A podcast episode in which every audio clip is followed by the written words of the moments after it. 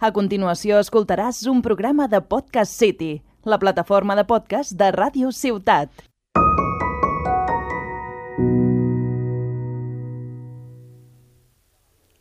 Bona tarda. Benvinguts i benvingudes a Postals Antigues, el podcast que us ofereix paraules i imatges a Ràdio Ciutat de Tarragona.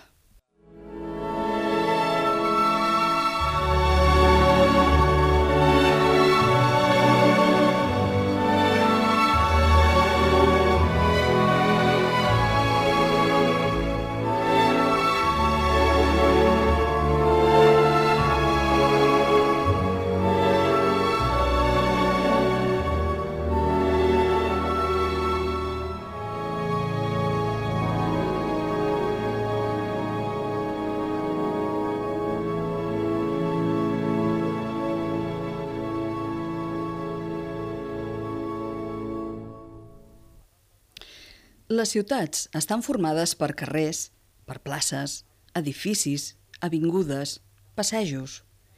En principi, tots ells elements comuns i que es poden trobar a totes les ciutats del món, cadascuna amb les seves característiques i formes. Ara bé, hi ha espais, racons, carrerons, que més enllà de les grans avingudes i les populoses rambles, marquen la idiosincràsia del lloc on s'ubiquen – en el cas de Tarragona, la part alta, per exemple, amb el seu traçat característic i reconegudament encantador. Avui, però, a Postals Antigues no hi anem a la part alta. Anem a una zona molt més cèntrica i ben comunicada que antigament era una finca particular, la Quinta de Sant Rafael. Ens n'anem al Parc de la Ciutat.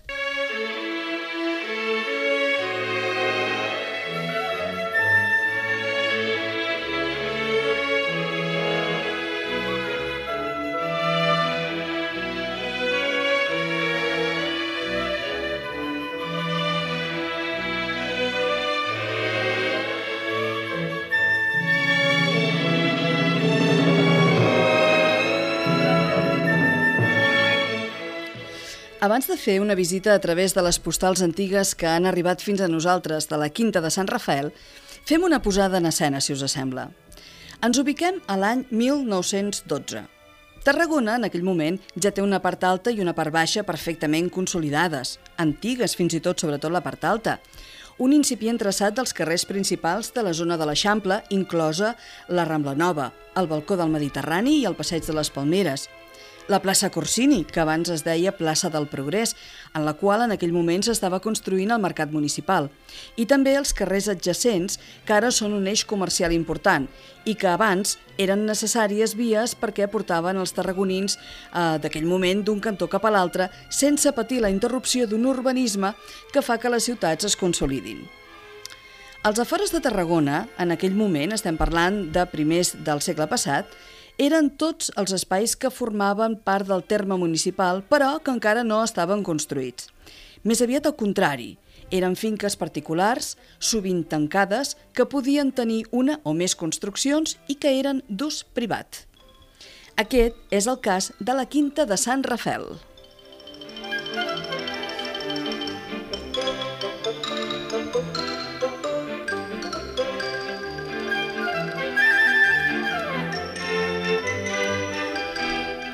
La Quinta de Sant Rafael és un edifici d'estil modernista que va ser construït a l'any 1912 per l'arquitecte Juli Maria Fosses i Martínez, per encàrrec de dos senyors, Maria Puig i Valls, i el seu germà Rafel.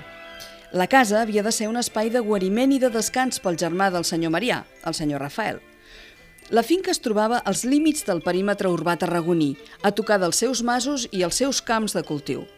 Així ho resava la placa de marbre que hi havia tot just a l'entrada de la finca que avui coneixem com el Parc de la Ciutat i que deia Esta quinta, que fue proyectada por el arquitecto don Julio María Fosas, es asilo de pájaros, paraíso de flores y árboles, y tranquilo hogar de sus moradores.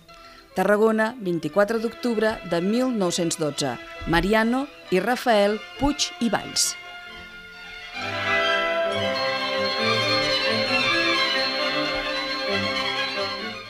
Així doncs, Rafael i Mariano Puig i Valls van ser els dos germans propietaris de la finca.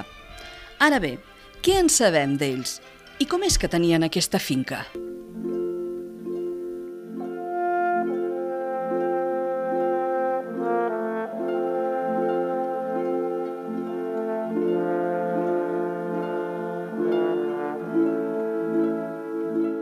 Coneguem-los una mica millor, perquè ja veureu les imatges, ja veureu les fotografies, les postals antigues que adjuntem juntament amb aquest, amb aquest podcast. No deixeu de veure-les. Veureu dos senyors que ja es veu d'una hora lluny que són germans, s'assemblen moltíssim, i que són, tal com diria la meva besàvia, aquells senyors d'altres temps. Rafael Puig i Valls va néixer a Tarragona el 31 de maig de l'any 1900, perdó, 1845. Va ser un enginyer forestal, defensor del medi natural i fundador de la famosa Festa de l'Arbre de Catalunya. La biografia de Rafael Puig i Valls és força interessant. Va estudiar la carrera d'enginyer de foresta i va acabar titulant-se el 1869.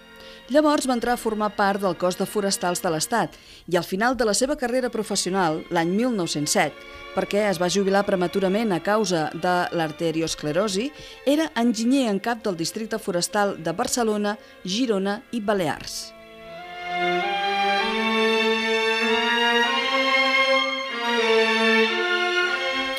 Va ser secretari de la Societat Econòmica d'Amics del País i del Consell de l'Exposició Universal de Barcelona de 1888, vocal de la Junta de Govern de l'Institut Agrícola Català de Sant Isidre i president de la Real Acadèmia de Ciències i Artes de Barcelona. També una persona que es dedicava a escriure, era sensible a tot i per tant també escrivia. Va ser col·laborador de La Vanguardia i va publicar diversos treballs de tema forestal. Fixeu-vos en la importància del personatge, que fins i tot, amb Victorià Felip, va proposar la construcció del ferrocarril de Manresa a Berga. I més enllà de tot això, Rafael Puig i Valls va ser un gran defensor del medi natural. En paraules seves, l'arbre és la bellesa dels paisatges, la defensa de les conques i la providència de les muntanyes.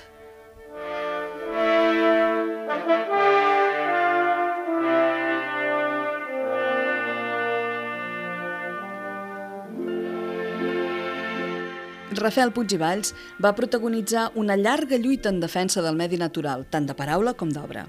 És l'autor de nombrosos escrits que va publicar, però també a partir de l'any 1884 va formar part d'una comissió que proposava organitzar una lliga ciutadana que treballés en defensa dels boscos.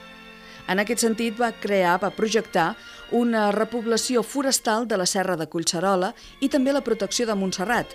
De fet, aquesta, aquest primer redactat és la primera proposta d'aquesta mena que es formulava a l'estat espanyol. I també les serres del Tibidabo i del Montseny i el paratge del Cap de Creus, en un projecte datat del 6 d'abril de l'any 1902.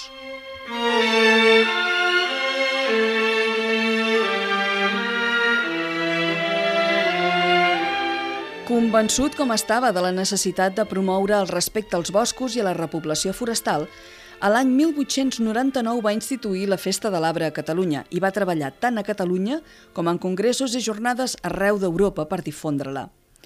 En reconeixement a aquesta tasca, el govern francès li va imposar la Legió d'Honor en el transcurs de l'Exposició Universal de París del 1904.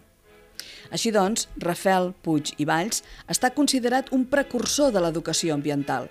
A la finca que envoltava la seva casa a Tarragona, la Quinta de Sant Rafael, hi va plantar una gran quantitat d'espècies d'arbres identificats amb una voluntat clarament pedagògica.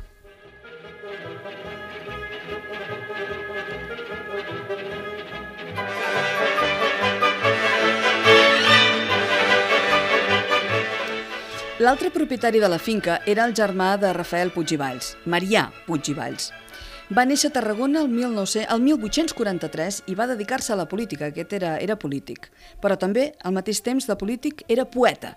Avui en dia aquestes dues coses, dos conceptes que no lligarien massa. En aquell moment sí que ho feien. Va ser membre del Partit Liberal Conservador va ser elegit diputat pel districte de Gràcia a les eleccions generals espanyoles del 1891 i pel de Vilanova i la Geltrú a les eleccions generals de 1896. El 1879 va presentar a Corts un projecte de tramvia de vapor de Manresa a Berga que s'acabaria convertint en el tramvia o ferrocarril econòmic de Manresa a Berga.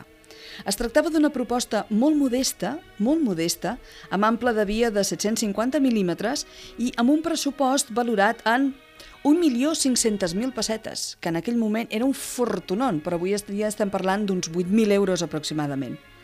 A finals de l'any següent es va aprovar aquest projecte.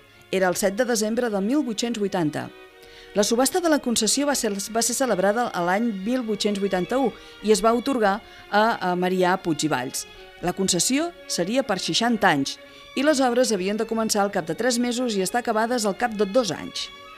El 6 de maig de 1881, el senyor Puig es reunia amb diversos propietaris industrials de Barcelona i de Berga, els quals va proposar la participació en aquest negoci mitjançant l'adquisició d'accions, en aquell moment també un projecte bastant innovador, una, una forma d'emprenedoria, si vosaltres voleu.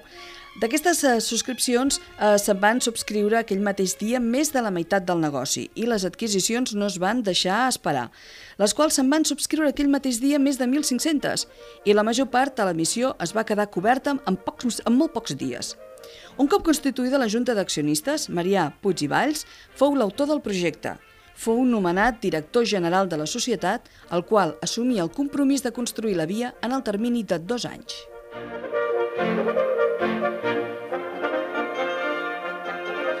Així doncs, els dos germans, Puig i Valls, compartien alguna cosa més que la relació fraterna. Eren amants de la natura i, a més, Marià, com us deia, també tenia una flaca poètica. Com es demostra això? Doncs mireu, es demostra perquè a l'entrada del Parc Ecostòric del Pont del Diable es pot llegir, escrit sobre rajoles de ceràmica, el següent pensament de Marià Puig i Valls. Viajero, no olvides que los pueblos más cultos son aquellos que tratan con fervoroso respeto a los ancianos, a los enfermos, a los árboles y a los pájaros. És, de fet, una forma poètica d'increpar i de demanar respecte per l'espai natural al qual s'accedeix en entrar per la porta del Parc Ecostòric.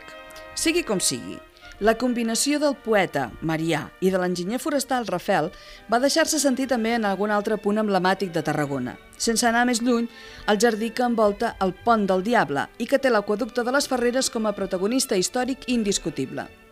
Tota la zona enjardinada, que es ve tant de gust anar-hi a passejar que comença el bon temps, i que està al voltant de l'aquaducte, és una creació d'aquests dos germans van crear jardins d'estil anglès ajuntant la seva feina, la poesia i la vegetació, i al mateix temps mantenint l'autenticitat de la història romana que representa l'aquaducte.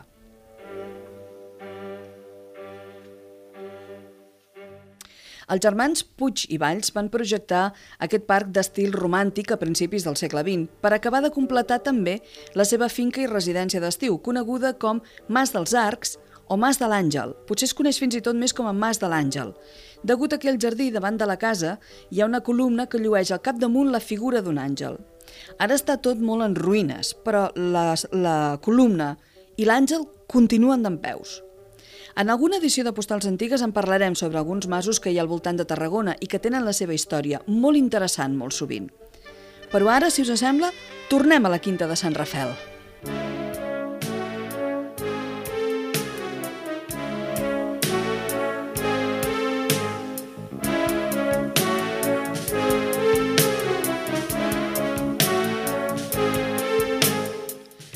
Nosaltres el coneixem sobretot com a part de la ciutat. Es tracta d'una finca a la qual s'accedeix per quatre carrers diferents, pel carrer Pere Martell, pel carrer Vidal i Barraquer, per l'Avinguda Roma o bé per Ramon i Cajal.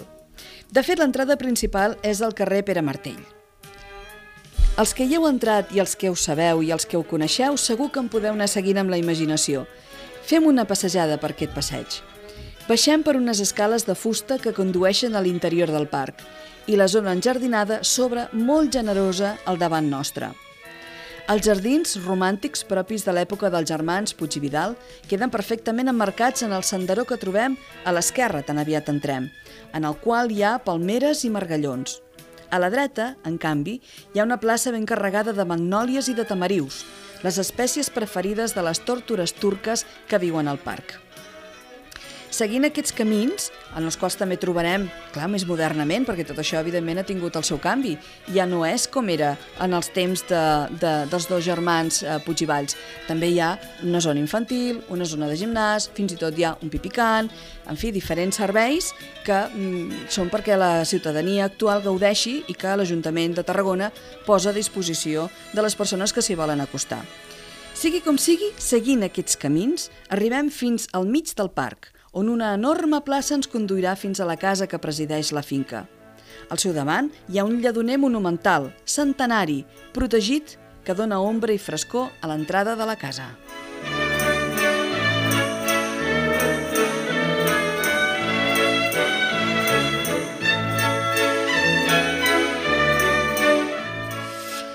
I aquí entrem en el punt clau, en la casa.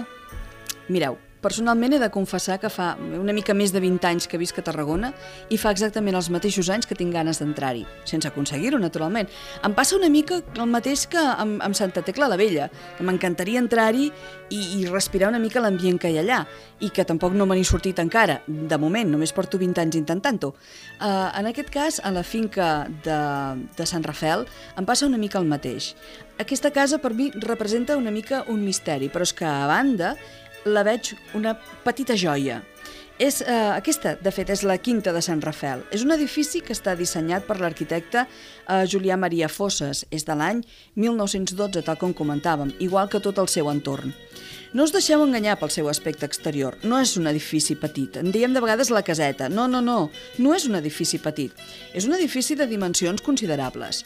De fet, té 366 metres quadrats útils distribuïts en dues plantes. En un angle de la casa hi ha una torre octogonal que feia les funcions de mirador i a més tenia un gran dipòsit d'aigua per a eh, motor per regar el jardí. Aquesta torre té una cúpula guarnida amb ceràmiques blanques i blaves. No hi falten elements modernistes, com l'aplicació de la ceràmica, la calidesa amb què es tracta el ferro forjat a la barana o uns detalls ornamentals propis de la saison vienesa.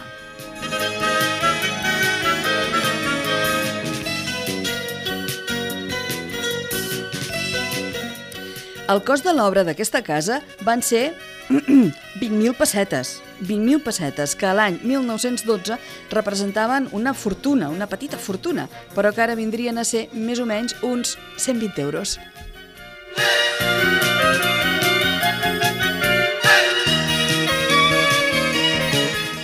Tot i que només se'n conserva l'edifici principal, el projecte inicial preveia tota una vila rodejada per un jardí amb espècies de vegetals molt diverses.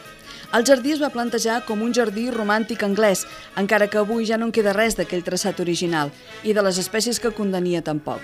Encara que n'hi ha d'altres, també molt interessants, a banda de l'arbre monumental que hi ha just al davant i que està tancat, està per una tanca al costat i que fa un moment us comentava.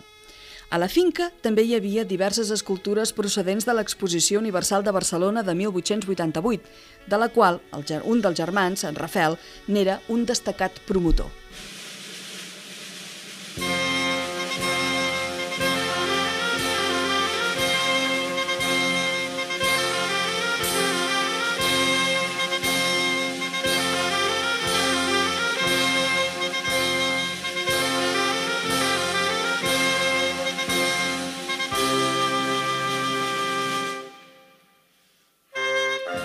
A la quinta, la família Puig feia la seva vida habitual a la planta baixa, on hi havia saló, el saló principal, biblioteca, els dormitoris, el menjador i fins i tot una capella, no petita, no una fornicoleta a la paret, no, una capella amb altar i tal com Déu mana. Les vicissituds de la quinta de Sant Rafel han estat molt diferents.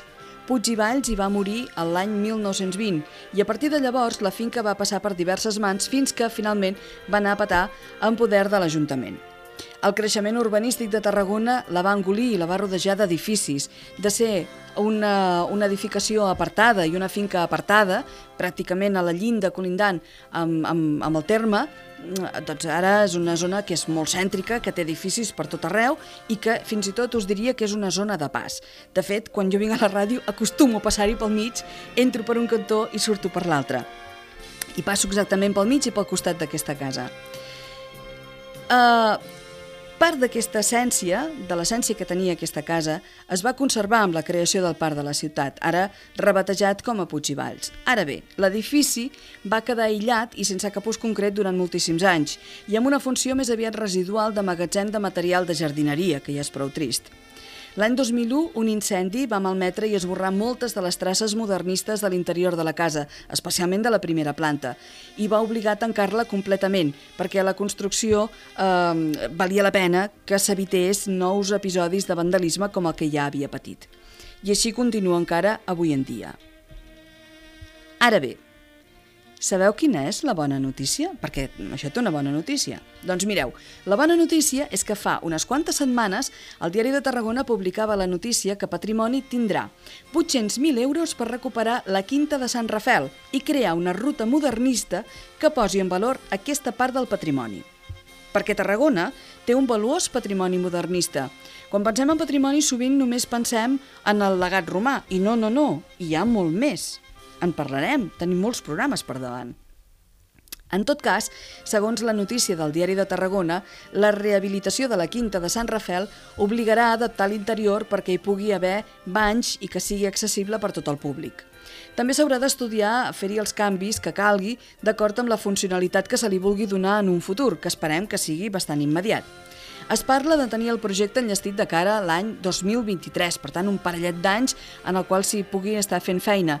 I aquesta, aquest projecte ha de servir per cridar l'atenció del públic, perquè vagi al parc de la ciutat i també per dinamitzar tota aquesta zona. I en tot cas, segur que l'edifici ha de tenir un paper principal a la nova ruta modernista que forma part d'aquest projecte.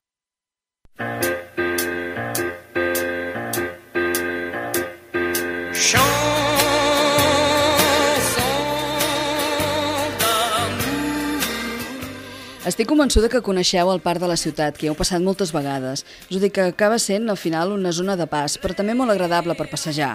A l'estiu, molt agraïda, molt agraïda pels arbres, per l'ombra, per la fresca. Una zona molt, molt, molt agradable i amb molta història. Uh, no ho hem comentat, però també dintre de part de la ciutat hi ha una zona que hi ha unes runes, aquestes runes són romanes i són les restes d'una petita vila i també al mateix temps hi ha una petita necròpoli i que està just a la plaça principal al costat d'aquesta caseta. Sempre en diem la caseta, però no és pas petita, eh? Ni molt menys. Mireu-vos les imatges, mireu-vos les fotografies i la veureu vestida per dintre. Ja veureu que té eh, el seu saló, que té la seva biblioteca, que té la seva capella, equipada amb tot el que cal perquè una família hi visqui i, a més a més, hi visqui molt bé. És molt maca, creieu-me. Jo tinc moltes ganes, quan hagin passat aquest parell d'anys en què se suposa que ha d'estar restaurant-se, de poder-hi entrar, de poder-la gaudir, de poder, de poder veure'l, no? de, de, de, de copsar-ne una mica l'ambient i, i, i el que s'hi respirava. Al mateix temps també, si mireu aquestes postals antigues, veureu les imatges dels dos propietaris. Veureu que serà com donar un salt en el temps i veure, no sé, fotografies de, de l'avi, per exemple. Avis grans ja, però per exemple de, de l'avi, en el seu ambient natural, en aquesta, en aquesta finca. Les fotografies que hi veureu són de la senyora Pilar de la Penya Puig i també de Tarragona Moderna. I la bibliografia que avui hem utilitzat a l'hora de fer aquest guió eh, és de eh, El Punt Avui i també de la web de tarragonaturisme.cat i de la Viquipèdia i també de la revista Fet a Tarragona. Tots plegats n'han parlat d'aquesta quinta de Sant Rafel i per tant el guió ha sigut una mica un poti-poti de tot el que s'ha anat explicant i del que m'ha fet l'efecte que seria interessant que vosaltres també sapiguéssiu. Moltes gràcies pel vostre interès. Entreu en aquesta, en aquesta pàgina de la ràdio i veureu també, escoltareu no només aquest podcast, sinó també tots els, de, els companys de Podcast City. Avui us hem acompanyat, com sempre, l'Òscar Martínez. Òscar, moltes gràcies. I us ha parlat amb molt de gust Roser Pros Roca. Cuideu-vos molt, feu bondat, mireu les postals, mireu les fotografies i ja m'ho sabreu explicar. Fins al proper dia. Adéu-siau.